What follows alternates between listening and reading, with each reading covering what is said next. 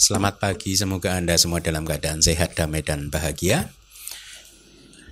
Kita bertemu lagi di hari yang uh, harusnya hari yang indah. Kenapa? Karena di hari Minggu pagi ini selalu kita mendapatkan kesempatan untuk mendengarkan kata-kata Buddha, mendengarkan penjelasan dari guru-guru atakata. Guru atakata itu artinya guru-guru yang menjelaskan uh, apa yang tercantum di dalam Tripitaka yang ada kemudian dikenal sebagai uh, kata itu penjelasan makna atau uh, komentar juga bisa. Jadi kitab komentar dan kitab sub komentar. Uh, saya teringat pada saat Bante Cakapala yang Bante seorang Bante yang tinggal di Singapura memberikan ceramah di sini setelah dia pulang ke Singapura, beliau menulis uh, kalimat yang kira-kira seperti ini bahwa beliau sangat mengapresiasi dengan apa yang terjadi di kita ini di mana setiap minggu kita belajar seperti ini. Dan kalimat yang salah satu kalimat yang beliau tulis adalah bahwa uh, di sini di center ini uh, preserve uh, the Buddha's teaching in its pristine purity.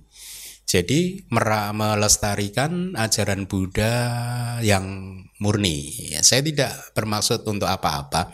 Maksud saya begini, ya bahwa apa yang kita lakukan di sini diapresiasi oleh seorang biku yang terpelajar yang tinggal di Singapura, ya. Dan beliau tahu bahwa yang kita lakukan ini adalah benar ya. Dan beliau mengatakan itulah terak wada begitu. Ya kira-kira begitu. Jadi kalau terak wada ya begitu itu. Begini ini. Artinya belajar Tipitaka sesuai dengan kitab komentar dan kitab subkomentar. Ya. Kenapa saya membuka ceramah pagi hari ini dengan menyampaikan hal tersebut? Karena sekali lagi sebagai seorang guru, saya kadang merasa harus menyampaikan sesuatu demi uh, demi stabilitas ajaran Buddha dan juga demi manfaat dari sebanyak mungkin mereka yang mendengarkan kata-kata ini begitu ya. Oleh karena itulah minggu lalu kalau Anda masih ingat saya membuka juga dengan kalimat kira-kira seperti ini. Agak aneh kalau Anda semua tahu manfaat dari sekolah ya toh minggu lalu begitu kan. Anda tahu kan manfaat dari sekolah? Ada nggak di antara Anda yang dulu waktu kecil cita-citanya nggak pengen sekolah? Coba tunjuk jari. Bahkan kalau Anda nggak disekolahkan Anda nangis. Betul? Anda ingin katakanlah mendaftar saya ingat uh, salah satu adik saya dulu uh, ingin mendaftar ke SMP favorit begitu. Ketika digoda oleh papa saya enggak lah sana sana mahal enggak enggak. Dia nangis Padahal papa hanya menggoda gitu. Ya artinya itu potret dari kita semua kali ya. Kalau kita dulu tidak disekolahkan kita mungkin menangis waktu kecil dulu, betul? Kenapa sih kita menangis? Hmm? Ada nggak isu yang dari kecil cita-citanya nggak mau sekolah? Ada nggak? Coba dijawab, mama-mama. Nggak ada ya? Tetapi kenapa Anda nggak bercita-cita untuk sekolah agama? Padahal ini penting. Maksud saya sekolah agama itu adalah mempelajari kitab suci. Tidak harus sekolah ke sekolah tinggi agama atau universitas di luar negeri. Enggak. Tapi mempelajari kitab suci Anda. Itu kayak sekolah. Kitab kita itu hanya namanya satu Tipitaka. Ya. Jadi makanya minggu lalu saya katakan agak aneh kalau kita ini tahu manfaat dari sekolah dan kita nggak mau tidak sekolah ya. Tetapi kemudian kita nggak paham bahwa sekolah mempelajari ajaran Buddha sesuai kitab suci atau kajian-kajian kitab suci menghadirinya itu adalah juga penting bahkan lebih penting dari sekolah sekuler itu ya Tadi pagi saya membaca kayak statusnya saya le Kemawam sih. Dia itu salah satu murid saya. Uh, baru saja lulus S1 di ITBMU Myanmar dan sekarang sedang melanjutkan sekolahnya di S2 dan saya melihat kemajuan yang cukup pesat dan cukup mengembirakan dari pada dirinya ya uh, sebagai seorang guru maka cukup membesarkan hati saya melihat kemajuan dia. Tadi pagi dia menulis status kira-kira begini. Many beautiful words out there. Ya, banyak kata-kata yang indah di luar sana. Tapi apakah kata-kata yang indah, kalimat yang indah itu in line dengan the Buddha's teaching? Adalah sejalan dengan ajaran Buddha? Hmm? Terus ditambah sama dia lagi, apakah kata-kata yang indah itu bisa memperkuat pandangan benar atau pandangan salah? Bagus ya? Hah? Bagus nggak? Seharusnya ini menjadi bahan perenungan Anda semua juga. Many beautiful words out there. Ya. Yeah. But are they in line dengan the Buddha's teaching? Sejalan dengan ajaran Buddha? Apakah mereka memperkuat pandangan benar atau malah memperkuat pandangan salah. Cilakanya, Anda itu nggak tahu mana pandangan benar, mana pandangan salah, mana ajaran itu cilakanya. Kasihan gak sih Anda itu patut dikasihani makhluk-makhluk. Nah, oleh karena itulah ya, ajaran-ajaran seperti ini, kelas-kelas seperti ini harusnya disebar ke seluruh Indonesia. Kitab-kitab yang masih tertulis dengan dalam bahasa Pali itu harusnya sudah diterjemahkan semuanya ke dalam bahasa Indonesia sehingga anda semua umat di seluruh Indonesia itu kayak mempunyai pedoman, mempunyai pegangan, mempunyai acuan untuk menilai that beautiful words kata-kata yang indah itu itu benar-benar membuat pandangan kita menjadi makin benar atau malah makin salah. Betul. Ya. Nah, Uh, poin yang kedua adalah uh, kita harus bersyukur bahwa pada akhirnya di dalam kehidupan kali ini mendapatkan kesempatan untuk mempelajari ajaran Buddha dari kitabnya. Ya, bukan da, bukan ajaran Buddha yang tidak ada di kitab. Ya, berarti bukan ajaran Buddha ya makanya kita bersyukur ya dan uh, semoga saya berharap dengan semua kebajikan yang anda sudah lakukan ini mendengarkan dhamma ini bisa menghalangi anda untuk bertemu dengan guru yang salah untuk mendengarkan ajaran yang salah dan semoga apa yang Anda lakukan dengan mempelajari kitab suci dan kitab komentar subkomentarnya ini itu bisa membuat Anda menuju ke pembebasan Anda. Baik, mari kita lanjutkan kelas kita. Kita masuk di kelas Kukurawatika Suta yang ketiga dan saya rencanakan ini akan menjadi kelas terakhir. Minggu depan kita akan berganti eh, apa eh, suta lagi ya. Saya minta PIC untuk membacanya. Kita mulai dari tengah langsung. Dan punah, yang manakah kama yang gelap dengan resultan yang gelap? Di sini punah Seseorang melakukan formasi-formasi tubuh yang menyakitkan, formasi-formasi lisan yang menyakitkan, formasi-formasi mental yang menyakitkan.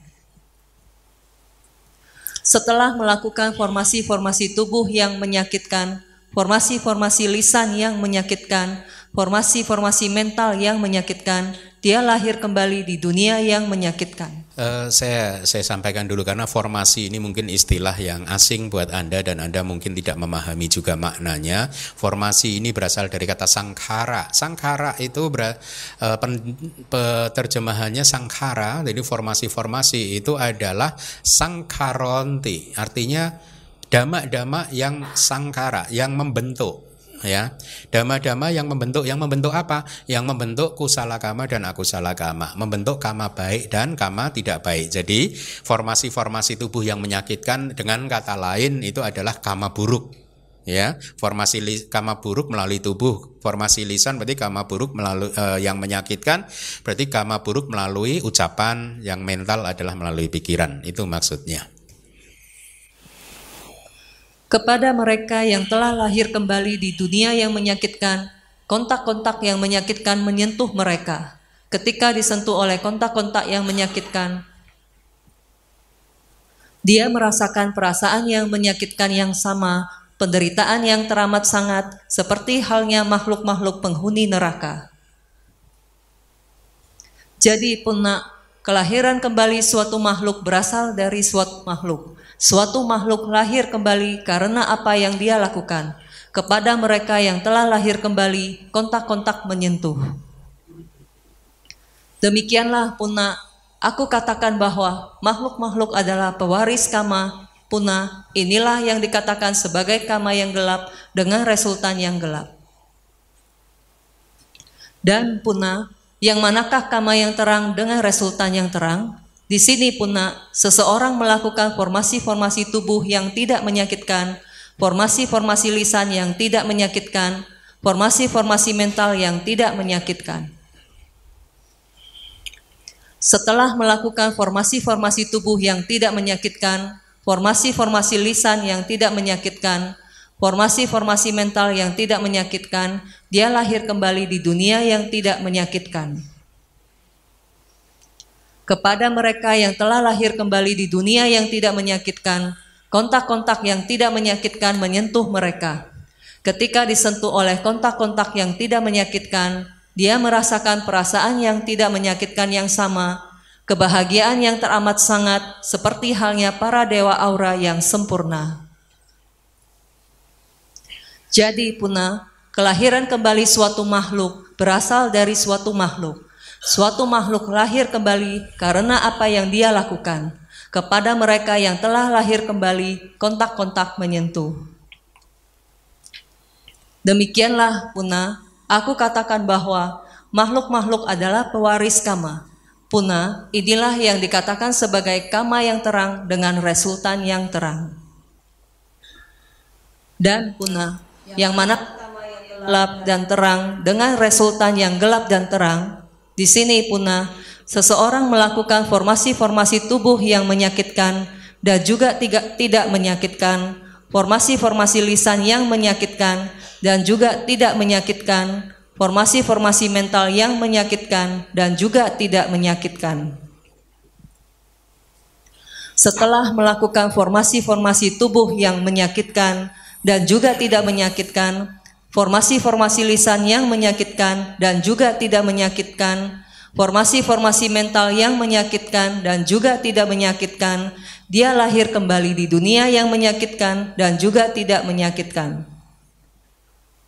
Kepada mereka yang telah lahir kembali di dunia yang menyakitkan dan juga tidak menyakitkan, kontak-kontak yang menyakitkan dan juga tidak menyakitkan menyentuh mereka. Ketika disentuh oleh kontak-kontak yang menyakitkan dan juga tidak menyakitkan, dia merasakan perasaan yang menyakitkan dan juga tidak menyakitkan yang sama. Pencampuran antara duka dan suka, seperti halnya para manusia, beberapa dewa tertentu, dan beberapa asura yang telah jatuh. Jadi, punah, kelahiran kembali suatu makhluk berasal dari suatu makhluk Suatu makhluk lahir kembali karena apa yang dia lakukan. Kepada mereka yang telah lahir kembali, kontak-kontak menyentuh.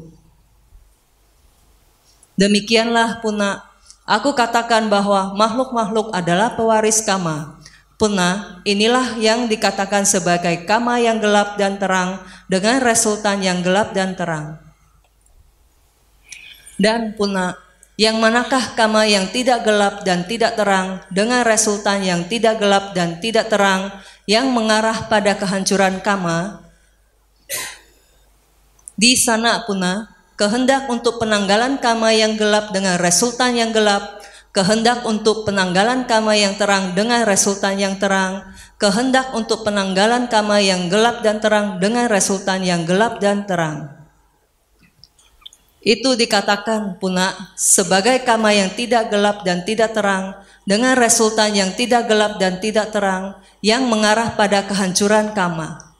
Puna, inilah empat kama yang telah aku nyatakan setelah mengalaminya sendiri dengan pengetahuan yang lebih tinggi. Ketika hal tersebut telah dikatakan, Puna, putra dari klan Kolia yang merupakan seorang pertapa yang memiliki kebiasaan seekor lembu berkata begini kepada begawan.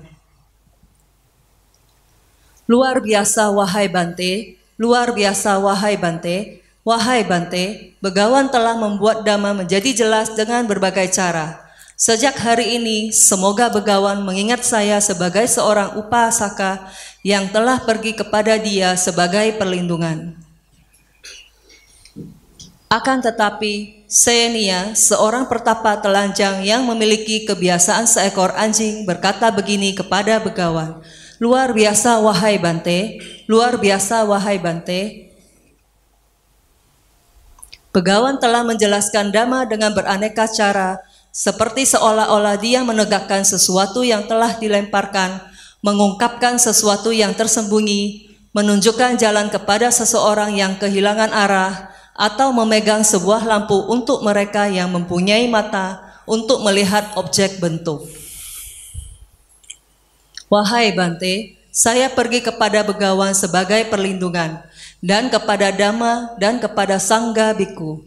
Wahai Bante, saya berharap menerima penahbisan di bawah Begawan. Saya berharap menerima penahbisan yang lebih tinggi. Senia, seseorang yang sebelumnya berasal dari sekte yang lain dan mengharapkan penahbisan serta penahbisan yang lebih tinggi di dalam dhamma dan winaya ini menjalani masa percobaan selama empat bulan. Setelah menyelesaikan masa selama empat bulan, setelah menyetujuinya, para biku memberikan dia penahbisan dan penahbisan yang lebih tinggi untuk menjadi seorang biku. Akan tetapi, di sini aku telah mengetahui perbedaan individual. Wahai Bante, seandainya mereka yang sebelumnya berasal dari sekte lain yang berharap menerima penahbisan dan penahbisan yang lebih tinggi di dalam dhamma dan winaya ini menjalani masa percobaan selama empat bulan. Dan setelah menyelesaikan masa empat bulan, setelah menyetujuinya, para biku memberikan dia penahbisan dan penahbisan yang lebih tinggi untuk menjadi seorang biku, maka saya akan menjalani masa percobaan selama empat tahun. Setelah menyelesaikan masa empat tahun, setelah menyetujuinya, mohon mereka memberikan saya penahbisan dan penahbisan yang lebih tinggi untuk menjadi seorang biku. Kemudian Senia, seorang pertapa telanjang yang memiliki kebiasaan seekor anjing, mendapatkan penabisan dan penabisan yang lebih tinggi di bawah begawan. Dan selanjutnya, tidak lama setelah ditahbiskan secara penuh, tinggal sendirian, mengasingkan diri, tekun, bersemangat, bertekad kuat, tidak lama kemudian, demi tujuan yang untuknya, para laki-laki yang berasal dari suatu klan meninggalkan kehidupan rumah tangga dari rumah ke kehidupan tanpa rumah setelah mengalami sendiri dengan pengetahuan yang lebih tinggi di sini dan saat ini. Yang mulia Senia mencapai dan hidup dalam kesempurnaan kehidupan, kehidupan suci yang tanpa tara itu. Dia mengetahui secara penuh kelahiran telah dihancurkan, kehidupan suci telah dijalankan, yang seharusnya dilakukan telah dilakukan, tidak ada lagi, tidak ada yang lain lagi untuk hidup ini. Selanjutnya yang mulia Senia menjadi salah satu dari para arahat. Khotbah yang ketujuh tentang pertapa yang berlatih kebiasaan seekor anjing telah selesai. Eh, terima kasih. Iya, uh, mari kita lihat apa yang bisa kita dapatkan dari kitab-kitab komentar dan sub komentarnya ya. Yang pertama tadi ada istilah kama gelap dan juga kama terang. Ini adalah kama yang bercampur. Artinya bercampur itu bukan seperti pemahaman banyak orang ya. Seseorang ada loh orang yang berpikiran begini nggak apa-apa melakukan karma buruk nggak apa-apa. Toh saya seingat saya di dalam hidup ini karma baik saya juga banyak. Jadi nanti kayaknya kalau ditimbang masih lebih banyak karma baik saya sehingga saya pasti akan lahir di surga. Masih ada yang seperti itu. Ya, jadi kayak itu itu bukan hukum karma, namanya itu hukum dagang. Untung dan rugi, timbangannya lebih banyak yang mana. Kalau hukum karma tidak seperti itu. Anda melakukan karma baik itu adalah satu benih karma. Anda melakukan karma buruk itu adalah benih karma buruk yang berbeda lagi, ya. Tinggal sekarang mana yang berbuah. Kan begitu. ya. Itu yang disebut kama yang bercampur. Artinya seperti kita ini sebenarnya sepanjang hidup kita banyak melakukan kama baik tapi juga mungkin juga melakukan kama buruk. Jadi di sepanjang hidup ini kama baik dan buruk bercampur di dalam satu kehidupan ini. Tetapi arti dari bercampur itu ya seperti tadi. Ini masing-masing itu adalah benih kama yang sendiri-sendiri. Tinggal skenario nya mana yang berbuah di patik sandi dan mana yang berbuah di kehidupan sehari-hari seperti yang pernah saya sampaikan Ya, kan begini. Makanya kalau Anda merasa oh saya udah banyak berdana, udah banyak berbuat baik, aktif di tim ya waca, nggak apa-apa lah sekali-sekali melanggar sila, hati-hati loh. Ya, bisa jadi Anda seumur hidup tuh banyak berdana, seumur hidup. Melanggar silanya bisa jadi hanya sekali aja, bisa jadi. Ini skenario yang ekstrimnya begitu, bisa jadi. Tapi Anda nggak pernah tahu mana yang menghasilkan patik sandi. Mana yang akan membuat Anda lahir itu yang mana. Kalau yang membuat Anda lahir setelah kehidupan ini menghasilkan patik sandi, penyambung kelahiran kembali itu adalah pelanggaran sila Anda. Maaf bukan Anda lah, yang orang sana gitu. Nanti saya kayak mem menghukum Anda. ya kalau orang tersebut banyak seumur hidup itu setiap hari melakukan karma baik tapi hanya ada satu karma buruk, kalau karma buruknya, karena karma buruk ini meskipun hanya satu dibanding mungkin miliaran karma baik, bisa saja dia berbuah di patik sandi. Kalau yang karma buruk ini tadi pelanggaran sila itu berbuah di pak momen patik sandi, penyambung kelahiran kembali, maka dia lahir sebagai binatang katakanlah.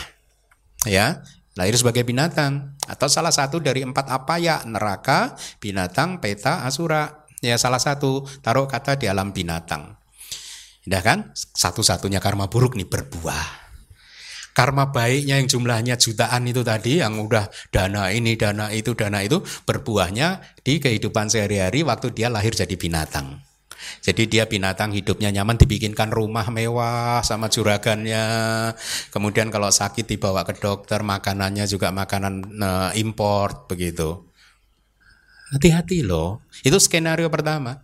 Skenario kedua ya, Karma berdananya membuat Anda lahir jadi manusia dan juga mungkin kaya raya. Tapi karena melakukan karma buruk, membuat karma buruk itu menjadi hambatan buat Anda untuk mendapatkan reputasi yang baik, kenyamanan kehidupan, ya. Ada saja karma buruk yang datang di dalam kehidupan ini. Jadi ini yang dimaksud dengan kama gelap dan terang yaitu kama yang bercampur. Hal ini juga perlu sekali lagi saya sampaikan karena ada saja broadcast-broadcast Buddhis yang mengatakan berdanalah karena dengan berdana Anda pasti lahir dari surga eh, lahir di surga dari Hong Kong. Enak aja. Huh? Kalau lahir apa? Kalau dari berdananya lahir, uh, memunculkan tadi jadi binatang yang hidupnya nyaman tadi? Huh? Belum tentu. Makanya pandangan benar itu benar. Makanya saya Kemawangsi tadi kalimatnya bagus. Many beautiful words out there. Tapi Anda tahu nggak bahwa itu inline atau tidak dengan ajaran Buddha? Itu membuat pandangan benar Anda kokoh atau malah pandangan salah Anda yang kokoh? Ya oleh karena itu saya sering mengulang-ulang kalau Anda belajar pada guru, tanya CV-nya. Kan sungkan tanya CV-nya, selidiki. ya. Ini masalah hidup dan mati loh. Hmm? Masalah kelahiran di alam bawah atau ke alam atas loh. Kan kalau sekolah Anda fakultas ekonomi, fakultas kedokteran, fakultas teknik itu hanya untuk keduniawian kali ini saja. Tapi apa yang Anda ikuti dari guru spiritual Anda bisa berdampak di banyak kehidupan ke depan. Ajata satu adalah contoh tragis. Mengikuti guru spiritual yang salah masuk ke neraka dalam keadaan seharusnya dia punya potensi untuk menjadi seorang sotapana. Dan itu cerita ini akan selalu terjadi di setiap zaman, bahkan di zaman sekarang juga terjadi. Nah, jadi itu karma gelap dan terang yaitu karma yang bercampur ya saya sudah cukup panjang lebar di kelas lalu menjelaskannya. Kemudian dia juga menghasilkan resultan gelap dan terang ini bukan berarti resultannya itu campuran antara gelap dan terang, ya itu tadi campurannya kayak kita sekarang ini campuran.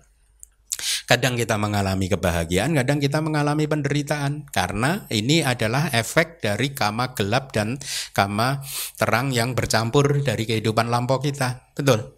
Ya. Uh, kemudian Oleh karena sebagai kama yang bercampur, nah ini makhluk yang telah lahir di tempat gajah-gajah di alam kelahiran binatang karena sebuah kama yang tidak baik. Jadi dia lahir sebagai gajah karena sebuah kama yang gelap tadi yang tidak baik. Dia mengalami perasaan suka di kejadian sehari-hari karena sebuah kama yang baik. Itu tadi. Jadi gajah yang hidupnya nyaman. Hmm? Jadi skenario nya ada dua, ada ada tiga sebenarnya, tapi dua yang ekstrim kan begitu. Jadi gajah yang hidupnya nyaman atau jadi manusia yang hidupnya nggak nyaman. Anda pilih yang mana? Hah? Pilih yang mana?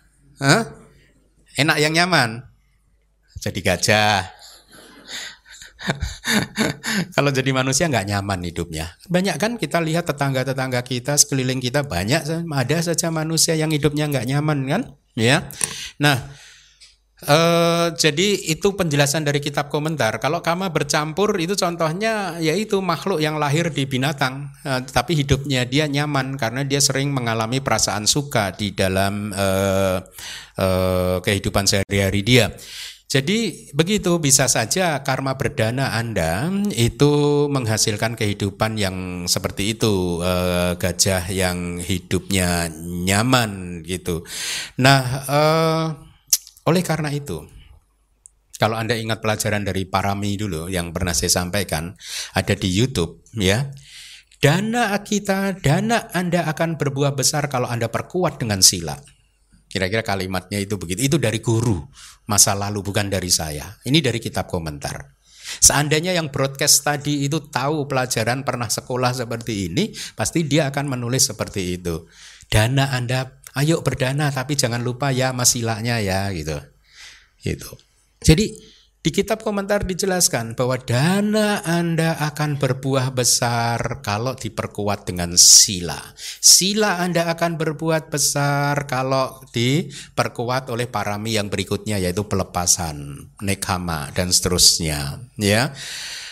Nah, oleh karena itu, praktek kita tidak cukup hanya berdana saja. Anda juga harus mempraktekkan sila supaya skenario-skenario buruk yang tadi saya sampaikan itu tidak terjadi.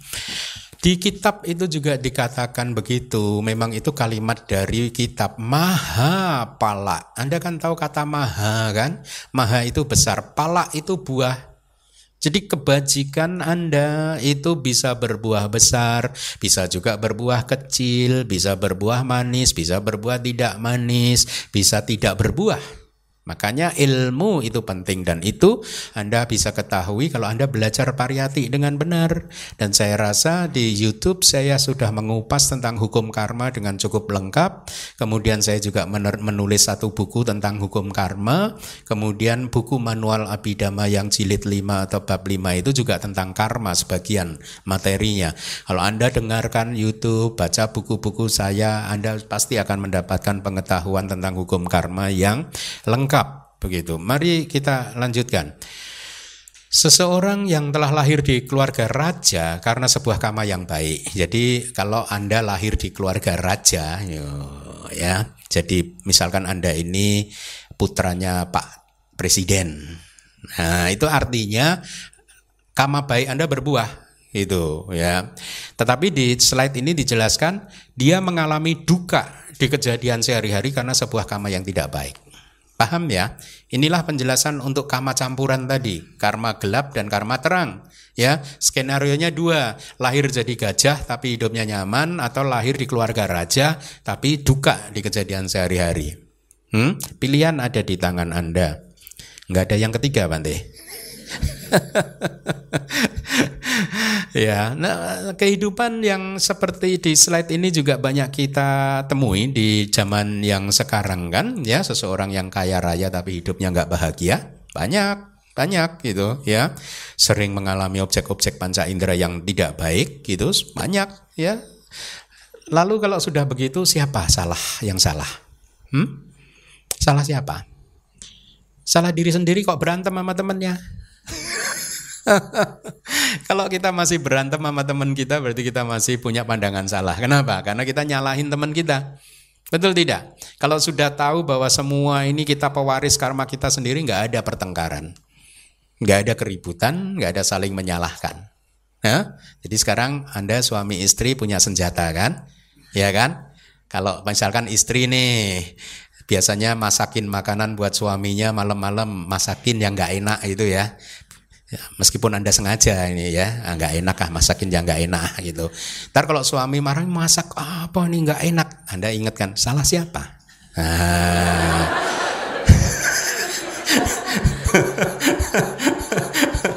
kan anda kamu mewarisi kamamu sendiri. Nah itu. Mari kita lanjutkan. Tidak gelap dan tidak terang. Nah, ini karma yang yang yang menjadi tujuan kita ya. Yang dimaksud adalah kama yaitu kehendak. Kehendak itu cetana. Ya, Anda tahu kan? E, cetana hang bikawe kamang wadami. Wahai para biku, saya katakan bahwa kama itu adalah kehendak cetana. Ya. Jadi kehendak di empat jalan artinya kehendak di kesadaran empat kesadaran jalan Empat kesadaran jalan ini adalah jenis kesadaran yang belum pernah muncul di arus kesadaran pudujana. Ya. Dan empat kesadaran jalan ini masing-masing, kalaupun seorang pudujana kemudian menjadi sotapana, setiap kesadaran jalan apa pun itu seumur hidup di sepanjang samsara hanya muncul satu kali. Tidak bisa muncul dua kali. Kenapa? Karena hanya tugasnya hanyalah menghancurkan kilesa. Ketika kilesanya sudah dihancurkan, dia nggak punya tugas lagi. Lalu ngapain masuk kantor? ya dia nggak akan muncul lagi kira-kira begitu. Jadi dengan sekali muncul dia sudah melakukan tugasnya dengan baik. Ketika seseorang menjadi jadi kesadaran jalan ini adalah buah atau hasil dari latihan wipasana. Tidak bisa tidak harus latihan vipassana kemudian kalau latihan vipassana Anda sudah mencapai puncaknya Hasilnya adalah kemunculan kesadaran jalan. Ketika seorang jana mencapai jalan yang pertama kali, maka di, di jalan tersebut disebut sebagai jalan sotapati. Jalan sotapati itu menghancurkan semua kama-kama buruk yang dilakukan sejak awal samsara yang sudah tidak bisa diketahui lagi saking lamanya. Semua akumulasi kama buruk dari dulu sampai detik sebelum dia mencapai jalan yang mempunyai potensi kekuatan kekuatan untuk memunculkan patik sandi kelahiran kembali di empat apa ya hancur. Dan tidak hanya itu, karena kilesa-kilesa yang kasar itu hancur, maka sejak hari itu dia sudah tidak bisa lagi melakukan kama gelap, kama, ter, uh, kama buruk yang mempunyai kekuatan membuat memunculkan patik sandi di empat apa ya. Itulah mengapa sotapana tidak bisa lahir di empat apa ya. Hmm? Dia maksimal tujuh kelahiran lagi, otomatis dia akan masuk ke nibana, parinibana, begitu.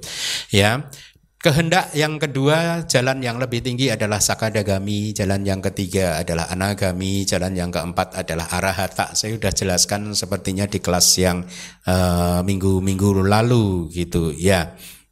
Nah, uh, Kehendak itu adalah niat atau maksud hati atau cetana dan inilah yang disebut sebagai kama. Kehendak ini muncul di kesadaran jalan gitu. Saya sudah menjelaskan belum sih uh, pencapaian sotapana, sakadagami, anagami? Udah belum sih? Minggu kelas lalu belum ya?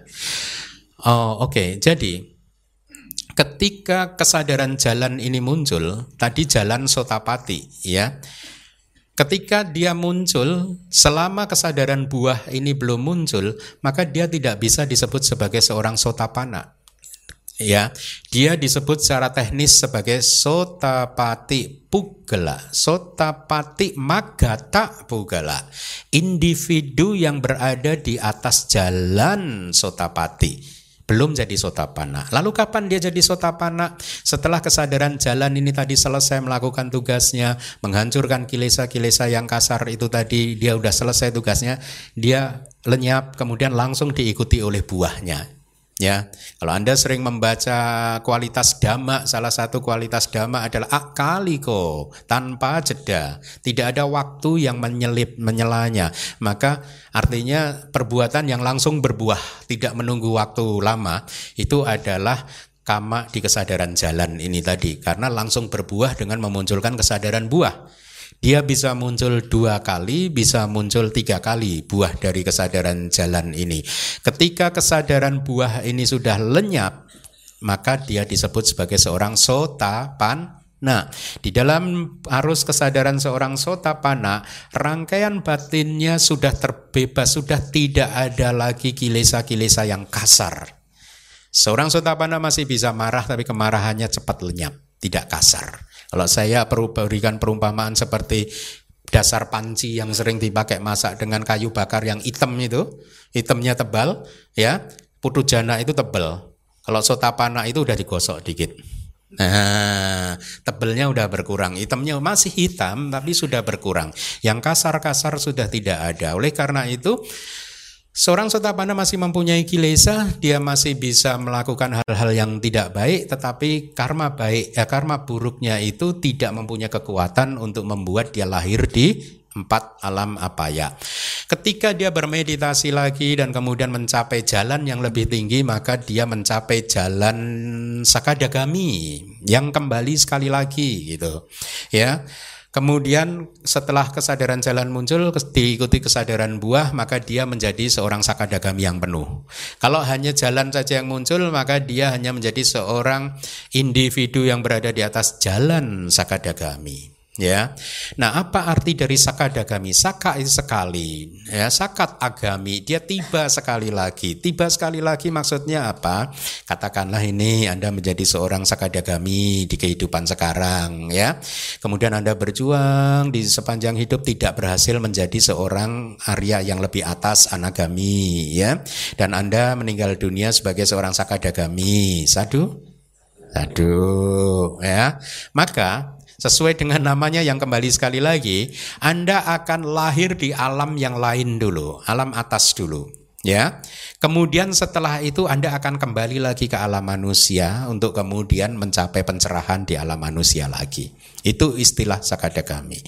Kalau dia kemudian mencapai tingkat kesucian yang lebih tinggi, maka dia menjadi seorang anagami. Seorang sakadagami, dia menghaluskan pantat panci tadi. Kilesanya yang yang tersisa yang paling kasar ya yang masih ada di arus kesadaran sotapana dihaluskan lagi. Itulah mengapa seorang sakadagami lebih halus kilesanya dibandingkan seorang sotapan. Nah, oh berarti orang yang gaya bicaranya halus, lembut itu Arya, Bante. Belum tentu.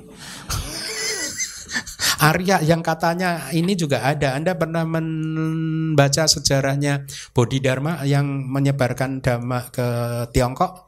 Itu kan juga gaya bicaranya ini. Gitu. Belum tentu. Kan minggu lalu udah belajar kata-kata kasar tidak harus dengan kata ucapan yang kasar, dengan yang lembut juga bisa. Jadi belum tentu kita nggak bisa menilai itu. Hanya seorang yang sudah mencapai tingkat kesucian yang sama atau lebih tinggi yang bisa tahu.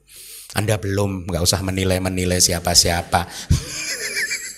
oh Bante tahu kalau saya belum tahu lah wajahnya menderita semua gitu.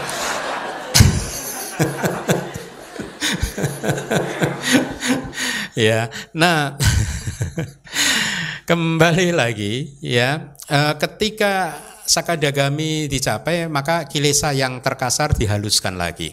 Ketika dia mencapai tingkat kesucian anagami, maka kesadaran jalan kehendak kama yang ada di slide itu kama kehendak yang muncul di kesadaran jalan anagami itu menghancurkan semua timbunan kama-kama baik dia ya yang mempunyai potensi untuk membuat dia lahir di alam manusia dan alam surga. Loh, anagami nggak bisa lahir di alam surga, Bante? Ah, nggak enak dong, Bante. Ya, anagami tidak bisa lahir di alam surga indriawi. Ya, maka dia disebut anagami, tidak kembali lagi. Ya artinya tidak kembali ke mana? Tidak kembali lagi ke alam-alam kehidupan yang masih mengandalkan indria-indria ini. Ya, lalu dia lahirnya di mana? Kalau Anda menjadi seorang anagami di kehidupan sekarang ini, ketika Anda meninggal dunia sadu ya sebagai anagamian bagus sadu, maka Anda akan langsung lahir ke alam Brahma. Tidak lahir lagi di alam yang masih bergantung pada indria-indria ini, ya. Ketika dia Anda kemudian menjadi seorang arahat, maka kehendak yang muncul di kesadaran arahata ya, yang menjadi uh, itu menghancurkan semua kama. Inilah yang dimaksud kama tidak gelap dan tidak terang. Jalan arahata. Ketika seseorang menjadi seorang arahat, kesadaran jalan atau maganya itu menghancurkan semua kama baik dan juga kama buruk yang masih tersisa. Ya. Sehingga karena dia menghancurkan semua kama baik dan kama buruk ya maka semua potensi untuk membuat dia lahir lagi sudah tidak ada. Itulah mengapa seorang anagami Buddha Paceka Buddha ketika parinibbana dia padam dia tidak lahir lagi. Karena semua potensi kama yang membuat seseorang menjadi terlahir lagi sudah hilang. Jadi prosesnya itu kira-kira seperti itu ya. Nah Mari kita lihat dari kata-kata. Tidak gelap dan tidak terang. Oleh karena seandainya kama itu menjadi gelap, maka kama tersebut pasti memberikan resultan yang gelap. Itu dari kata kata. Seandainya dia adalah terang, maka dia pasti memberikan resultan yang terang. Akan tetapi karena tidak memberikan kedua resultan itu tadi, ya, eh, maka Kama tersebut dikatakan sebagai kama yang tidak gelap dan tidak terang karena dia memberikan resultan juga yang bukan gelap dan bukan terang. Jadi inilah penjelasan dari eksposisi yang disampaikan. Jadi eh, itu kemudian mari kita lanjutkan. Akan tetapi di dalam penjelasan analitis yang dimaksud dengan yang menyakitkan adalah yang disertai dengan penderitaan, ya. Jadi kan tadi ada kalimat di sutanya dan puna. Yang manakah kama yang gelap dengan resultan yang gelap? Di sini puna seseorang melakukan formasi tubuh yang menyakitkan dan seterusnya. Artinya apa? Kama gelap ini disertai dengan penderitaan. Artinya apa? Kalau berbuah pasti berupa penderitaan.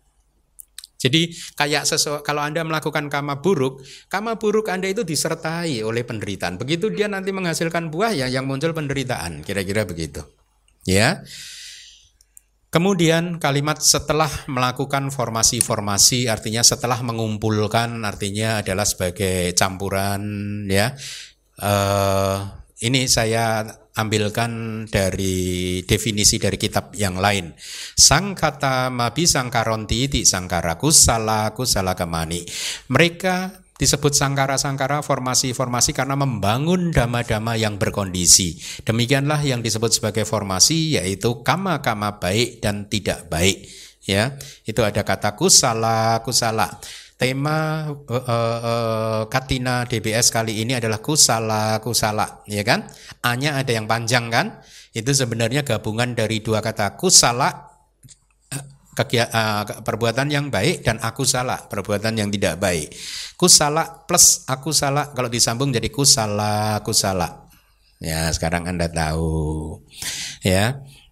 Selanjutnya, Dunia yang menyakitkan di sini penjelasannya adalah mereka lahir kembali di dunia yang disertai dengan penderitaan. Kontak-kontak yang menyakitkan menyentuh mereka di sini penjelasannya adalah kontak-kontak sebagai resultan yang disertai dengan penderitaan menyentuh mereka. Kontak itu apa sih? Kontak itu adalah faktor mental cetasika yang bernama pasa bahasa palinya. Kontak ini adalah begini. Kalau kalimat sutannya ini cakunca rupeca patica caku winyanang upajati ya oleh karena mata dan juga objeknya maka kesadaran mata melihat ke arah objek. Ya jadi ada mata saya anda sebagai objek mata saya dan kesadaran di dalam hati eh, di dalam rangkaian arus kesadaran saya melihat ke arah Anda. Tiga ya terus kalimatnya itu berlanjut tinang sanggati pasa paso ya. Pertemuan dari tiga inilah yang disebut kontak jadi kontak di sini adalah pertemuan antara panca indera Anda dengan objek dari panca indera yang terkait. Kalau panca inderanya adalah telinga ya berarti bertemu dengan suara. Kemudian ada kesadaran yang mendengarkan ke arah suara tersebut. Ketika Anda paham ini suara apa itulah muncul karena kontak. Itu maksudnya. Jadi pertemuan dari tiga dhamma itu yang disebut kontak. Ya, yaitu apa? Panca indera. Ikuti saya, panca indera objek-objek panca indera, kesadaran panca indera. Ya, seperti saat ini kita ini dan dikatakan di dalam kitab juga kita ini boleh dikatakan di sepanjang kehidupan selalu ter uh, ini dengan kontak. Ya, kecuali Anda anagami atau arahat masuk ke niroda samapati. Ya, maka di situ arus kesadarannya berhenti. Wah, keren ya. nggak ada kontak di sana, ya. Nah, itu yang disebut sebagai kontak, ya. Kalau kontak ini sebagai buah dari karma buruk, maka kontak yang terjadi ini adalah kontak dengan objek yang menyakitkan. Hmm? Objek yang menyakitkan itu apa sih? Kalau Anda mendengar suara orang memarahi Anda, ya, itu objek yang tidak menyenangkan, itu buah dari karma buruk. Kalau Anda mendengar suara istri Anda, menyakitkan enggak? Kadang sih. ya. Nah, kalau yang tidak menyakitkan berarti itu adalah buah dari kama yang baik itu. Nah, eh,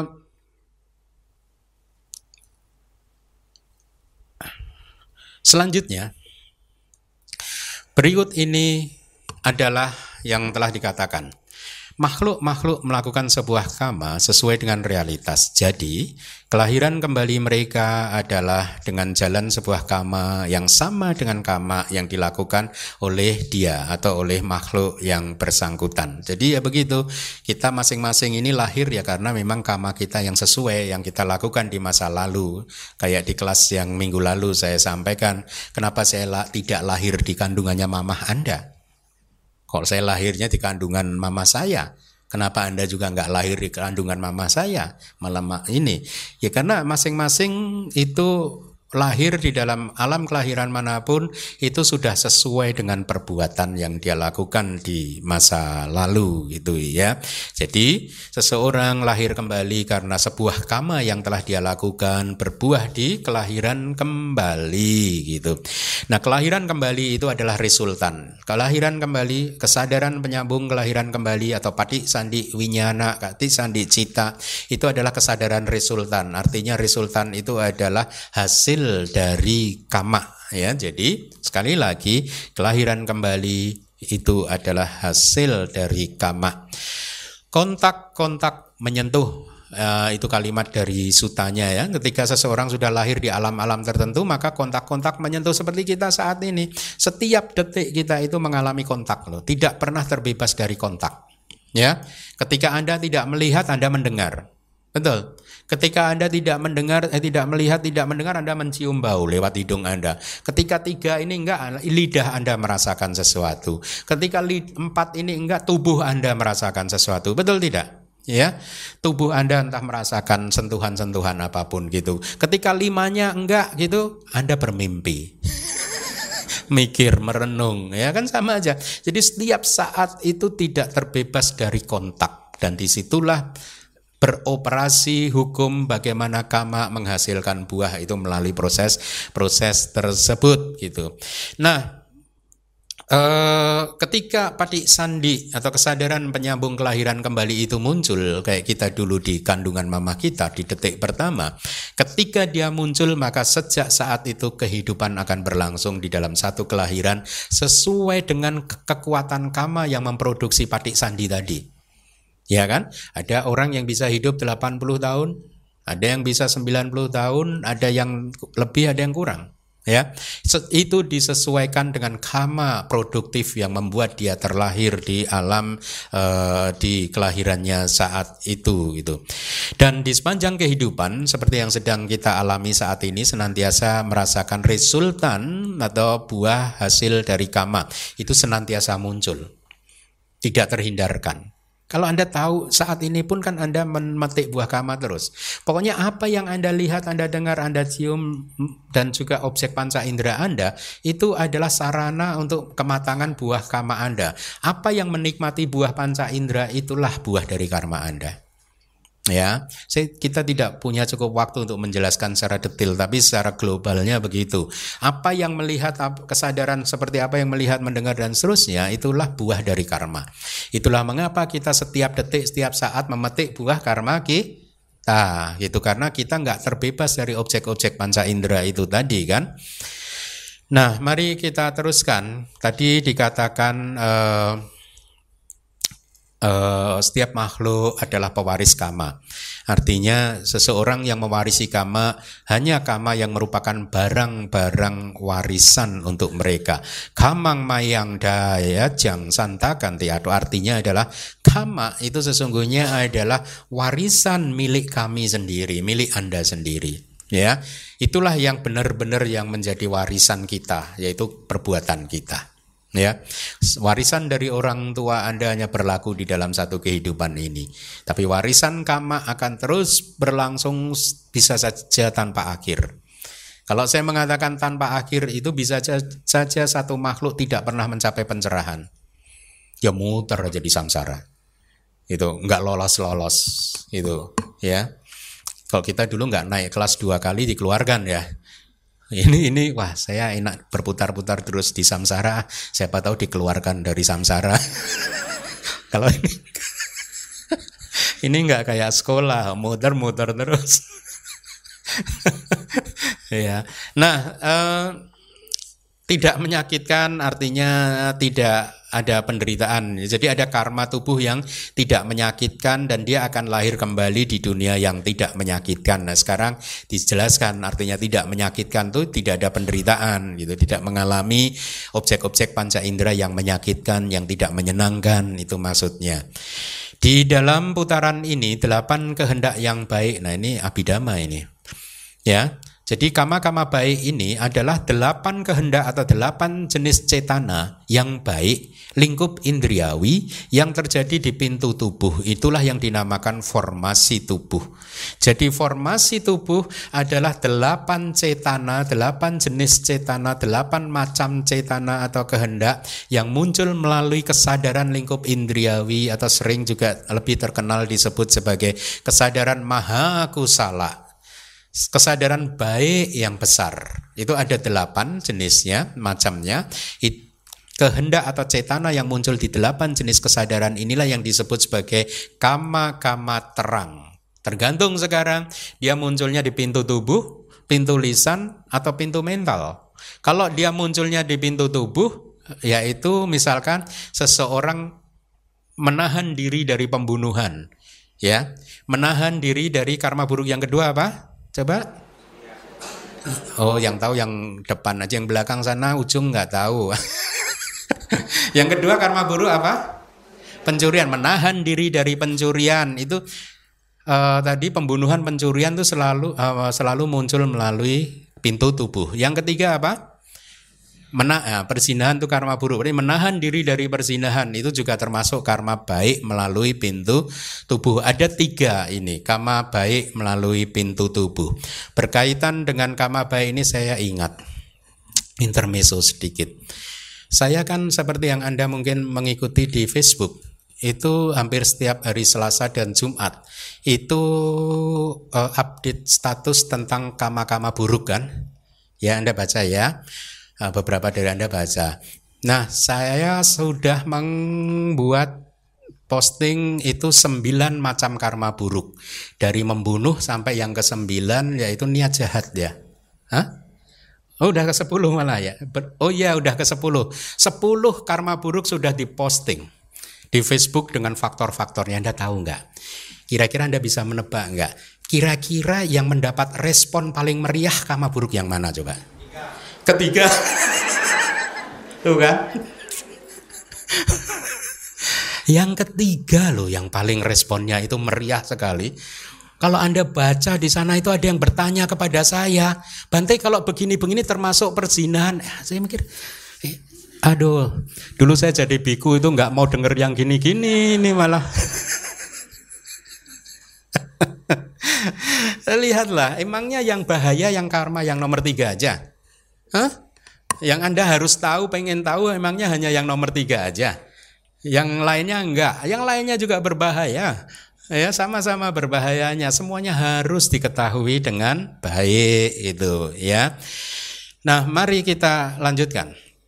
kehendak-kehendak yang sama itu tadi delapan kehendak di Mahakusala kesadaran baik yang besar itu yang terjadi di pintu lisan dinamakan formasi-formasi lisan ya Formasi-formasi lisan itu sama dengan formasi-formasi tubuh. Kalau yang baik berarti dia adalah meninggalkan tiga kamalisan yang buruk. Seseorang menahan diri dan menghindari tiga kamalisan yang buruk yaitu apa? Tidak berkata-kata bohong uh, empat ya. Tidak berkata bohong, tidak memfitnah, tidak mengucapkan kata-kata kasar dan juga omong kosong. Ada empat. Itu dihindari, menahan diri, menjauhkan diri dari itu. Itulah kama-kama pertama yang muncul melalui pintu lisan. Selanjutnya, delapan kehendak itu sendiri yang terjadi di pintu batin ya dan tiga kehendak di jana yang lebih rendah dinamakan formasi mental yang tidak menyakitkan. Jadi ada formasi mental. Kalau yang delapan itu tadi ya itu tadi uh, seperti uh, karma baik yang uh, mental yang tiga ya menghindari dari apa dambaan ya kemudian menghindarkan diri dari niat jahat menjauhkan diri kemudian berpandangan yang benar itu yang lingkup indriawi tapi ada juga karma baik yang jana. Selama ini Anda mungkin mengetahui karma baik hanyalah yang 10 itu tadi. Ternyata karma baik juga ada yang lain yang lebih tinggi yaitu karma baik berupa kemunculan kesadaran jana. Ketika Anda mencapai jana, maka di dalam rangkaian kesadaran Anda itu muncul terus kama-kama baik itu, kesadaran jana itu. Kehendak yang muncul di dalam kesadaran jana itu adalah karma baik. Kalau Anda bisa mempertahankan berada di dalam jana selama dua jam atau tiga jam, maka Anda memproduksi kama baik selama dua atau tiga jam. Bayangkan dalam satu jentikan jari itu ratusan miliar itu kama itu tertanam. Ketika Anda berhasil mempertahankan rangkaian kesadaran Anda berada di dalam jana selama dua atau tiga jam, bayangkan berapa jumlah kama baik yang berhasil Anda produksi selama dua atau tiga jam tersebut. Nah, yang menarik di sini adalah bahwa yang disebutkan di slide hanya tiga kehendak di jana yang lebih rendah yang dinamakan sebagai formasi mental yang tidak menyakitkan. Ya ini jana rupa wacara yang pertama, kedua, yang ketiga. Kalau dengan metode Sutanta ada jana yang keempat. Lalu jana yang keempatnya di mana? Di kitab komentar tidak dijelaskan tetapi saya menduga jana yang keempat ini termasuk sebagai anenja abisangkara. Kama yang tidak uh, goyah ya. Dia diklasifikasikan sebagai jenis kama yang lebih lebih halus lagi. Tidak dimaksudkan klasifikasikan sebagai formasi mental yang tidak menyakitkan ya. Nah jadi sesungguhnya kama baik itu ada tiga. Karma baik ya. Yaitu kama baik lingkup indriawi itu yang biasa anda lakukan Kemudian yang kedua adalah kama baik lingkup materi halus, yaitu ketika Anda mencapai jana rupa wacara, yaitu yang pertama, kedua, dan ketiga. Kemudian yang ketiga adalah kama baik lingkup indriawi, yaitu ketika Anda mencapai jana non materi. Jana rupa wacara yang keempat dianggap sebagai jana non materi karena dia mempunyai faktor jana yang sama. Makanya dia diklasifikasikan sebagai arupa jana juga ya. Nah, jadi pertama-tama adalah kehendak di dalam jana. Lalu bagaimanakah kehendak di lingkup indriawi itu menjadi formasi mental yang tidak menyakitkan? Hal tersebut didapatkan pada waktu seseorang atau seorang yogi berlatih guna melengkapi meditasi dengan objek kasina dan objek yang lain juga berlaku pada waktu melatih meditasi dengan objek kasina. Yang dimaksud adalah begini, kehendak lingkup indriawi yang terhubung dengan kehendak di jana yang pertama, kehendak di jana yang kedua dan kehendak di jana yang ketiga. Itu maksudnya begini, ketika seseorang bermeditasi, ketika pada awal dia duduk bermeditasi dia belum mencapai jana. Ketika dia mengamati objek, kalau di sini diberi contoh kasina, bisa juga objek-objek yang lain, anapanasati, ya. Selama dia masih berhasil mengamati nafas, bisa jadi itu adalah kesadaran baik lingkup indriawi. Ketika nimitanya itu udah e, muncul, ugah nimitanya itu udah muncul, itu pun adalah kama baik lingkup indriawi. Ketika baga nimitanya itu sudah muncul, tetapi belum mencapai jana, itu juga masih kama baik lingkup indriawi. Ketika pati baganya sudah menjadi semakin jernih, transparan, terang benderang, dan dia masuk ke dalam jana, maka kama baik baiknya sudah bukan lingkup indriawi lagi, tetapi dia adalah sudah masuk ke dalam jana adalah berarti kama baik yang dia ciptakan adalah kama baik lingkup materi halus sesuai dengan jananya. Itu prosesnya kira-kira seperti itu. Itulah tadi disebutkan bagaimana kama baik lingkup indriawi yang mental melalui pikiran itu muncul.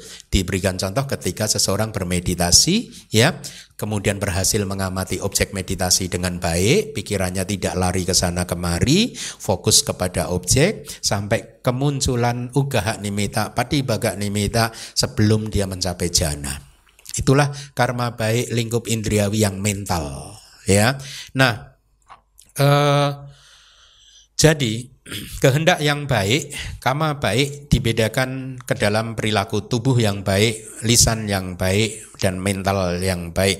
Jadi Anda harus ketahui bahwa semua kama, baik kama baik maupun kama buruk, itu bisa muncul melalui tiga pintu itu tadi. Di dalam kalimat yang diawali dengan seperti halnya manusia, artinya tadi di suta diberi contoh seperti manusia yang hidup di alam manusia ini ya. Pertama-tama hendaknya dipahami bahwa untuk para manusia kadang-kadang mengalami suka, kadang-kadang mengalami duka dan itu terlihat jelas itu. Jadi di sini kita mendapatkan informasi makhluk mana saja yang mengalami suka dan duka. Selain manusia masih ada lagi tadi di kitab dijelaskan yaitu para dewa yang rendah khususnya. Ya, para dewa yang ada di bumi, ya, uh, ada loh dewa itu yang hidup di bumi bersama-sama dengan kita, ya. Uh, kalau makin tingkatannya makin tinggi dewa itu hidupnya di atas kita gitu. Nah, tapi para dewa yang hidupnya di bumi ini dia mengalami suka dan duka juga. Sama, mirip-mirip uh, beda-beda tipis dengan kita gitu. Di antara para asura yang telah jatuh, asura yang telah jatuh ini tadinya adalah para dewa yang hidup di surga Tawa Tingsa. Ya, karena dia keenakan di sana katanya suka mabuk-mabukan begitu. Ketika ada 33 pemuda yang diketuai katakanlah pemimpinnya itu bernama pemuda itu bernama Maga gitu Eh, karena perbuatan baiknya 33 ini sama-sama secara kolektif lahir di Tawatingsa, dia kemudian tidak suka dengan para dewa yang hanya mabuk-mabukan itu. Singkat cerita, jadi jadi sejarah di dalam Tawatingsa mereka itu bertengkar dan dewa yang kalah ini jatuh ke bumi. Jadi ada asura yang telah jatuh itu tadinya berasal dari dewa. Mereka juga mengalami suka dan duka. Peta juga begitu. Oh, peta itu kalau Anda baca ya, saya saya itu punya cita-cita begini. Saya kemarin sudah menghubungi anak-anak ITB ini intermeso saja. Uh, salah seorang anak ITB lulusan ITB Bandung yang pintar menggambar, kita saya sudah hubungi dia, telepon, saya sampaikan ide saya yaitu apa? Membuat komik yang benar-benar mengangkat cerita yang ada di kitab-kitab komentar. Cerita ini belum ada di dunia. Masih banyak cerita-cerita bagus yang belum terekspos di dunia karena masih berupa bahasa Pali. Ya, misalkan sejarah masa lampau semua Buddha, semua Buddha. Tidak yang ada di dalam Jataka, tapi ini dari kitab yang lain, fair apa sudut pandang yang berbeda. Itu ada, itu kalau dibikin komik bagus. Maksud saya, saya itu kadang membayangkan nih anak-anak Anda ya yang kecil-kecil ini kan harus dapat bacaan yang bagus kan. Ya saya berencana ini kalau punya tim ilustrator yang kuat, kalau Anda bisa membantu merealisasi ide saya, Anda bisa datang kepada saya, kita diskusi. Saya butuh ilustrator, satu ilustrator, tim besar. Kenapa harus besar? Karena ceritanya ini terlalu banyak untuk dikerjakan oleh satu, dua, tiga ilustrator. Ya, cerita yang bagus itu. Saya udah 52 tahun hidup saya mungkin udah tinggal berapa lagi. Makanya ini harus segera dikerjakan se -se secepat mungkin gitu karena uh, terlalu bagus untuk tidak dibaca oleh anak-anak Anda gitu. Ya, jadi kemarin saya sudah bicara dengan tim dan dia sudah setuju. Mudah-mudahan terrealisasi. ya, nah atau peta kalau peta udah terekspos di dunia, Anda udah sering mendengar cerita peta kan, peta yang mempunyai istana-istana itu cerita itu sudah ada di dunia. Tapi cerita yang saya sampaikan tadi itu masih tertulis dalam bahasa Pali. Ya, jadi hanya mereka yang paham bahasa Pali yang bisa membaca cerita itu kan waktu saya membaca, loh ini kan bagus ya gitu. Kenapa nggak dibikin? Saya pikir untuk anak-anak aja ini komik-komik ini gitu bagus gitu, ya. Nah jadi kalau peta itu juga tadi dia juga bisa punya istana loh peta itu. Hmm, mau? Anda manusia nggak punya. Anda jadi manusia nggak punya istana. Petanya malah punya loh istana-istana. Jadi dia peta ini juga kadang mengalami suka, kadang juga duka. Jadi percampuran antara suka dan duka. Mari kita lanjutkan. E, di sana puna, jadi sutanya begini. Kehendak untuk penanggalan kama yang gelap dengan resultan yang gelap, kehendak untuk penanggalan kama yang terang dengan resultan yang terang dan seterusnya. Di sana itu artinya di antara tiga-tiga kama tersebut Kehendak untuk penanggalan kama itu artinya kehendak itu cetana kama di kesadaran jalan yang bertujuan untuk menanggalkan eh, kama-kama tersebut seperti yang tadi sudah saya sampaikan.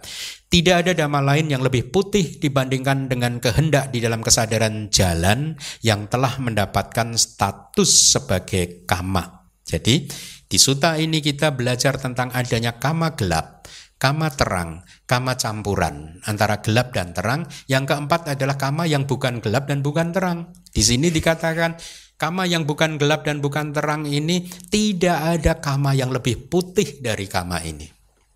Ya, Artinya kama yang muncul di kesadaran jalan ini sangat putih ya. Kenapa? Karena sangat baik ah, itu artinya. Karena karena dia menghancurkan kilesa dan dia menghancurkan kelahiran kembali ya membuat seseorang menjadi tercerahkan dan semakin bisa menikmati kehidupan itu dengan cara yang makin positif gitu. Nah, jadi telah dibicarakan di dalam kitab komentar bahwa di dalam kuartet kama itu tadi yang sudah saya jelaskan pertama di klasifikasi 12 cetana yang muncul di kesadaran yang tidak baik itu dinamakan kama gelap Kehendak yang baik di tiga tingkatan dinamakan sebagai kama yang terang, yaitu kehendak di delapan kesadaran mahakusala itu tadi, itu kehendak yang muncul sebagai kama lingkup kama baik lingkup indriawi. Kemudian kehendak yang muncul di kesadaran jana materi halus, kemudian kehendak yang muncul di dalam jana non materi, kehendak di dalam kesadaran jalan ini di luar itu tadi ya dia dinamakan bukan gelap dan juga bukan terang gitu ya.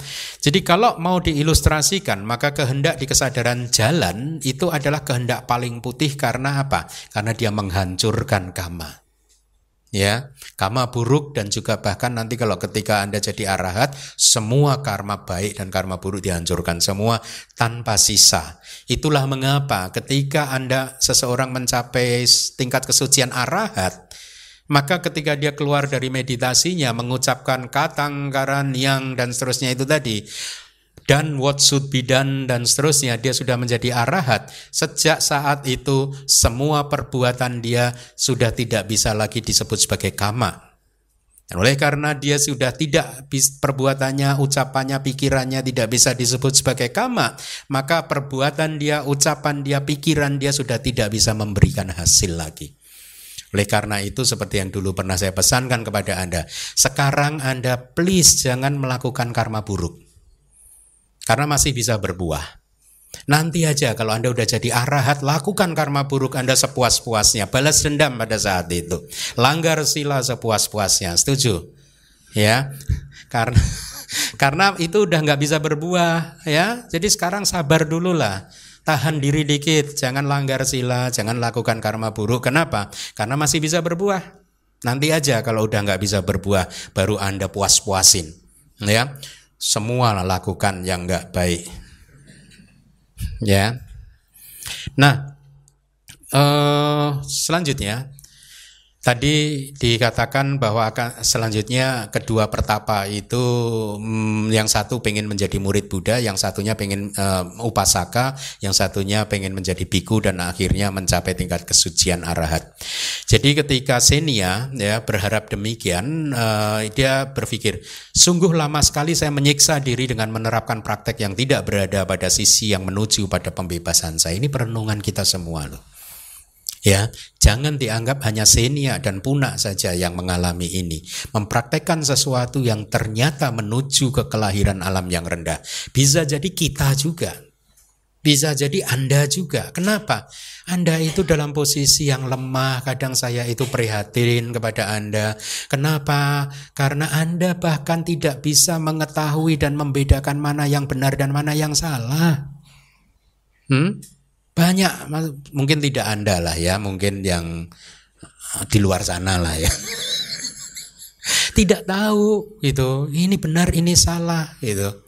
Tidak tahu ini dokternya beneran pernah kuliah atau dokternya nggak pernah kuliah, nggak pernah sekolah, nggak bahkan yang seperti itu aja nggak tahu gitu.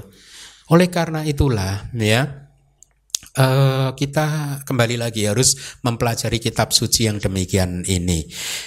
Baik, karena waktunya tinggal sedikit lagi, saya akan lanjutkan sedikit. Jadi di bagian ini, Punak kemudian menyatakan diri menjadi umat upasaka, Senia ingin menjadi biku dan beliau minta ditahbiskan ya. E, dan Buddha tadi dikatakan tidak menerapkan masa percobaan 4 bulan. Alasannya ada, beliau mengatakan sesungguhnya saya mengetahui kecenderungan individu. Jadi Buddha mengetahui bahwa senia tidak perlu diberi masa percobaan individu karena sebentar lagi dia akan jadi arahat. Makanya peraturan dari sekte lain yang ingin jadi biku harus di mengalami masa percobaan 4 bulan tidak diterapkan pada senia gitu ya. Nah, eh, berikutnya saya akan mandi di pinggir sungai yang kering adalah seperti halnya dengan seorang yang sedang oh tadi. Jadi mereka ini kan mempraktekkan praktek pertapaan anjing dan lembu kan, sapi kan. Itu seperti seolah-olah begini ini, dia ini mandi di pinggir sungai yang kering ya. Seperti halnya dengan seorang yang sedang berguling-guling, seperti halnya dengan seorang yang memukul sekam dan tidak ada siapa pun yang berhasil mencapai tujuannya. Anda bisa nggak mandi di sungai yang kering? Nggak mencapai tujuan kan. Jadi praktek pertapaan tadi tidak mencapai tujuan diberi perumpamaan tiga perumpamaan ini gitu ya. Nah, jadi setelah berpikir uh, menyadari kesalahannya akhirnya uh, mereka menjadi murid Buddha dan Senia kemudian baiklah dia bertekad begini, baiklah mulai sekarang saya akan mengerahkan usaha untuk diri saya sendiri ya.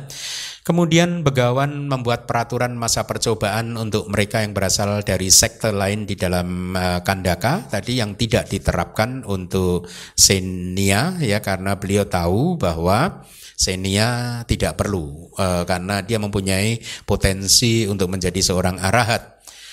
Kemudian Senia berpikir, ah Buddha Sasana luar biasa. Setelah menggosok dan memukulnya demikian, mereka mengambil yang pantas saja serta meninggalkan yang tidak pantas.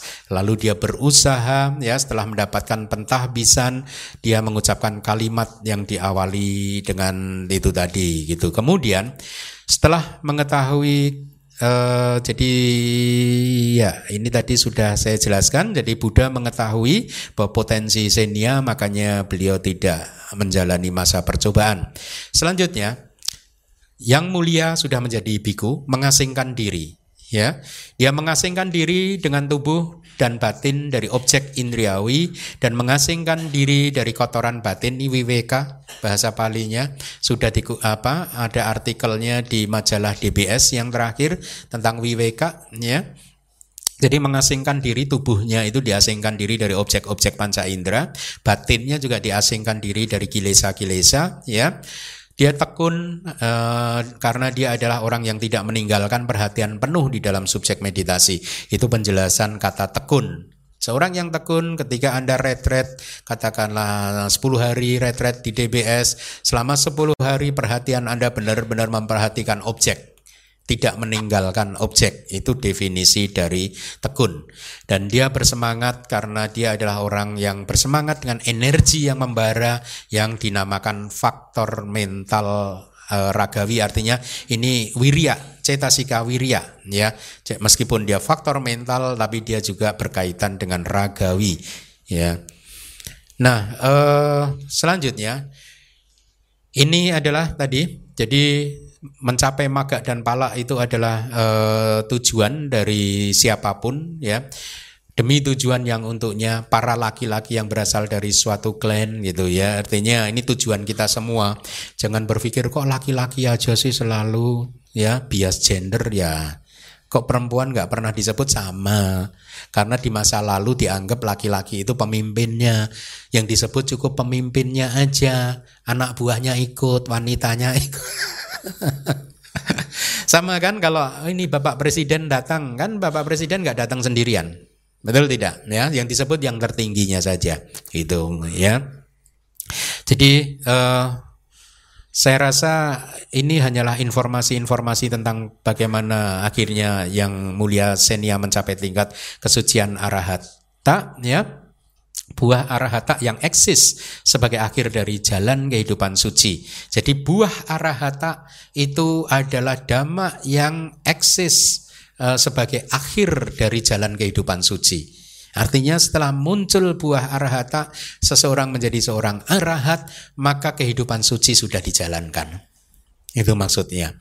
Sesungguhnya para laki-laki yang berasal dari suatu klan meninggalkan kehidupan rumah tangga untuk menjadi seorang arahat, ya. Jadi setelah memperlihatkan tingkat untuk penelaahan kepada dia dengan demikian itu dan untuk mengakhiri khotbah dengan pencapaian tingkat kesucian arahat sebagai puncaknya Begawan berkata selanjutnya yang mulia Senia menjadi salah satu dari para arahat. Jadi ini adalah deklarasi dari Buddha menyatakan bahwa uh, beliau adalah seorang arahat. Di ke Myanmar juga masih berlaku. Saya pernah membaca ya, membaca buku Lady Sayadaw menyatakan salah satu muridnya sudah mencapai ini. Gitu ya. Jadi dideklarasi di depan para bante ya yang bersangkutan sudah mencapai ini. Kalau nanti tidak ada saya silahkan belajar meditasi kepada yang bersangkutan. Begitu ya. Baik, jadi selesailah kelas kita uh, Kukura Watika Sutta. Minggu depan kita akan belajar suta yang baru lagi. Terima kasih.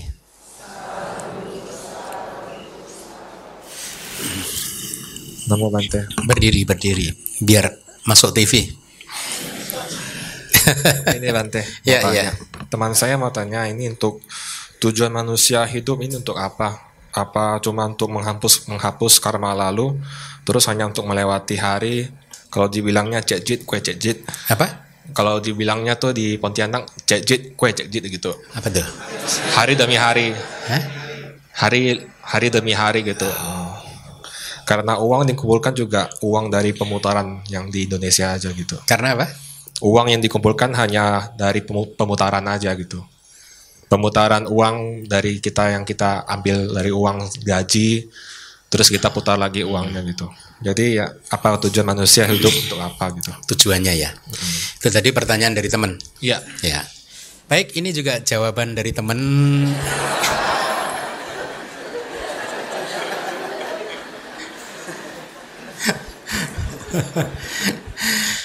Tujuan hidup manusia adalah untuk menghancurkan kilesa. Ya, menghancurkan kilesa. Karena semakin kuat kilesa ada di dalam rangkaian kesadaran kita, semakin kita tidak bisa menikmati kehidupan ini. Semakin tipis kilesa yang masih tersisa, semakin kita bisa menikmati kehidupan ini. Ketika kilesa sudah hancur total, kita bisa menikmati kehidupan ini secara penuh. Jadi jangan pernah berkhayal bahwa Anda bisa bahagia selama kilesanya masih eksis. Saya tidak menakut-nakuti dan pesimis, tapi itu faktanya. Ya. Ini adalah pandangan benar. Ya. Selama masih ada kilesa, maka tidak akan ada kebahagiaan dan kedamaian. mau uangnya berapa, gajinya berapa besar, tetap saja tidak akan ada kebahagiaan dan kedamaian. Saya berani mengatakan statement ini di hadapan 500-600 orang yang sukses-sukses semua ini. ya, ada yang berani membantah nggak? Loh kok Bante bisa tahu ya? Nah kan gini, ibaratnya kita survei pasar itu, ambil sampel sedikit aja, habis itu udah tahu semuanya. ya. Jadi itu tugas atau tujuan kita hidup uh, sebagai manusia adalah untuk menghancurkan kilesa. Dengan kata lain, sesungguhnya kebahagiaan ini tidak tergantung pada dunia ini. Paham? Tidak tergantung pada seberapa banyak teman Anda itu tadi punya uang, seberapa kaya dia, tidak. Makanya tidak ada rumus di dalam kehidupan makin kaya makin bahagia, nggak ada. Ya, tidak ada juga rumus sebaliknya makin miskin makin menderita. Biku itu semua miskin. Tapi Anda datang terus ke saya. anda mau sih datang ke orang miskin? huh? Kok Bante bisa ini kok banyak orang datang kepada saya, Bante belajarnya dari mana? Gitu. Karena saya belajar dari pikiran saya sendiri. Ketika saya paham tentang pikiran saya sendiri, maka saya paham tentang pikiran Anda. Kenapa? Karena pikiran semua orang itu sama. Sebenarnya polanya sama. Itu. Itulah yang kadang kalau ada orang, oh si A si B bisa membaca pikiran, belum tentu. Dia paham pikiran dirinya sendiri aja. Gitu, belum tentu. Bisa jadi iya memang ada orang bisa membaca pikiran orang lain. Tapi ketika Anda paham pikiran Anda, Anda akan paham pikiran orang lain juga karena polanya sama. Itulah mengapa tadi saya katakan kalau semakin kuat kilesa semakin orang itu menderita. Ya. Nah, jadi karena kualitas kedamaian dan kebahagiaan itu sangat ditentukan oleh kilesa, Oleh karena itu dunia di luar itu tidak menjadi parameter untuk menjamin kedamaian, kebahagiaan atau penderitaan seseorang. Orang lain di luar sana juga tidak menjadi parameter faktor yang menentukan kebahagiaan dan penderitaan seseorang. Tidak. Kilesa kita sendiri. Ketika ada seseorang yang berbuat tidak baik, masa saya nggak menderita? Enggak juga. Kalau Anda menderita karena Anda bereaksi secara salah. Yang membuat Anda menderita adalah reaksi Anda, bukan orang tersebut memperlakukan Anda seperti apa. Ya. Nah, oleh karena itulah dengan kata lain untuk bisa menghancurkan kilesa, ya Anda harus memahami kehidupan ini dengan baik. Ya. Oleh karena itu tadi di awal itu saya katakan sungguh sangat mengherankan buat saya atau minggu lalu juga saya sudah katakan kalau Anda semua paham pentingnya sekolah SD, SMP, SMA, kuliah, tapi Anda nggak mau sekolah belajar agama, itu agak mengherankan saya. Kenapa? Anda tahu pentingnya sekolah adalah untuk merubah nasib Anda. Tapi Anda nggak tahu bahwa agama, pengetahuan agama yang sesuai dengan kitab-kitab kita itu, itulah sesungguhnya yang bisa menjamin kedamaian dan kebahagiaan Anda dengan lebih stabil lagi. Gitu. Nah, jadi saya ulangi lagi, tujuan hidup adalah untuk menghancurkan kilesa. Oleh karena itu ketika dalam proses menghancurkan kilesa ini pandangan benar akan mulai menguat. pandangan benar tentang kehidupan akan mulai menguat. Seseorang akan mulai memahami kehidupan ini dengan baik. Tadi pagi ada umat entah umatnya ada di sini atau tidak, saya memberikan contoh kalau seseorang mempunyai pandangan salah, maka seumur hidup hidupnya akan selalu bergejolak akan tidak damai gitu. Ya saya beri contoh, seandainya ada orang yang jam 4 pagi, pagi-pagi dini hari jam 4 keluar rumah kemudian dia menghadap ke barat, menatap ke langit dan mengharapkan matahari segera terbit, maka dia akan stres. Kenapa? Karena dia memandang ke arah yang salah. Matahari nggak akan pernah terbit dari barat. Selama dia tidak menyadari kesalahannya, selama itu pula lah dia nggak akan bahagia. Ketika sudah jam 9 pagi, jam 10 mataharinya nggak terbit, dia mulai bertanya-tanya. Dan tidak ada jawabannya. Itulah membuat seseorang kehilangan kedamaian dan kebahagiaannya. penderitaannya, kesulitannya, uh, hatinya yang bergejolak akan reda seketika setelah dia menyadari kesalahannya dan dia berbalik arah menghadap ke arah timur. Itulah ketika seseorang mempunyai pandangan benar. Seseorang yang mempunyai pandangan yang sudah benar sudah tidak ada lagi misteri. Sudah tidak ada lagi pertanyaan. Sudah tidak ada lagi konflik. Gitu. Bahkan ketika pandangan benar itu hanya muncul sedikit saja, itu pun sudah merubah kualitas kehidupan seseorang. Baru sedikit saja merekah itu. Ibaratnya matahari yang muncul di ufuk timur baru merekah sedikit aja. Itu pun sudah merubah kualitas hidup seseorang. Ya, apalagi kalau dia udah full begitu, hidupnya berubah total. Nah, oleh karena itu sampaikan kepada teman Anda, tujuan hidup kita adalah untuk menghancurkan kilesa. Tujuan dengan demikian ketika kilesa ini sudah hancur maka tujuan hidup adalah untuk tidak lahir lagi. Ya, untuk tidak hidup lagi. Ya, itulah tujuan hidup.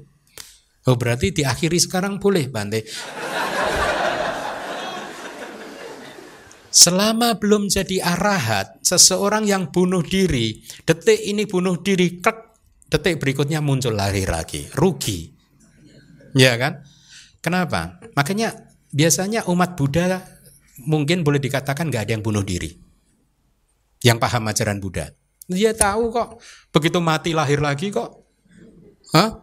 Paham nggak? Ini maaf nih bukan cerita horor nih.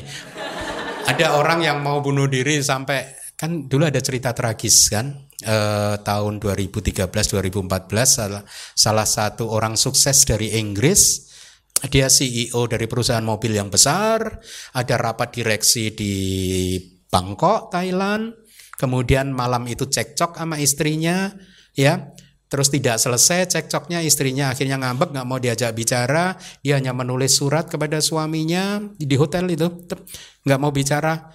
Keesokan paginya ditemukan si suaminya itu terjun bunuh diri uh, di hotel itu dari kamarnya dia terjun. Seandainya saja dia tahu ajaran Buddha dia nggak akan. Kenapa? Ah, rugi ya udah sakit-sakit lahir lagi. ya nggak? Kan Buddha mengajarkan Seseorang begitu dia meninggal dunia detik berikutnya akan muncul lagi, lahir lagi. Buat apa lalu? Nah, mending masalah diselesaikan. Dan lagi kalau si suami itu tahu bahwa ngambeknya istrinya itu anicca.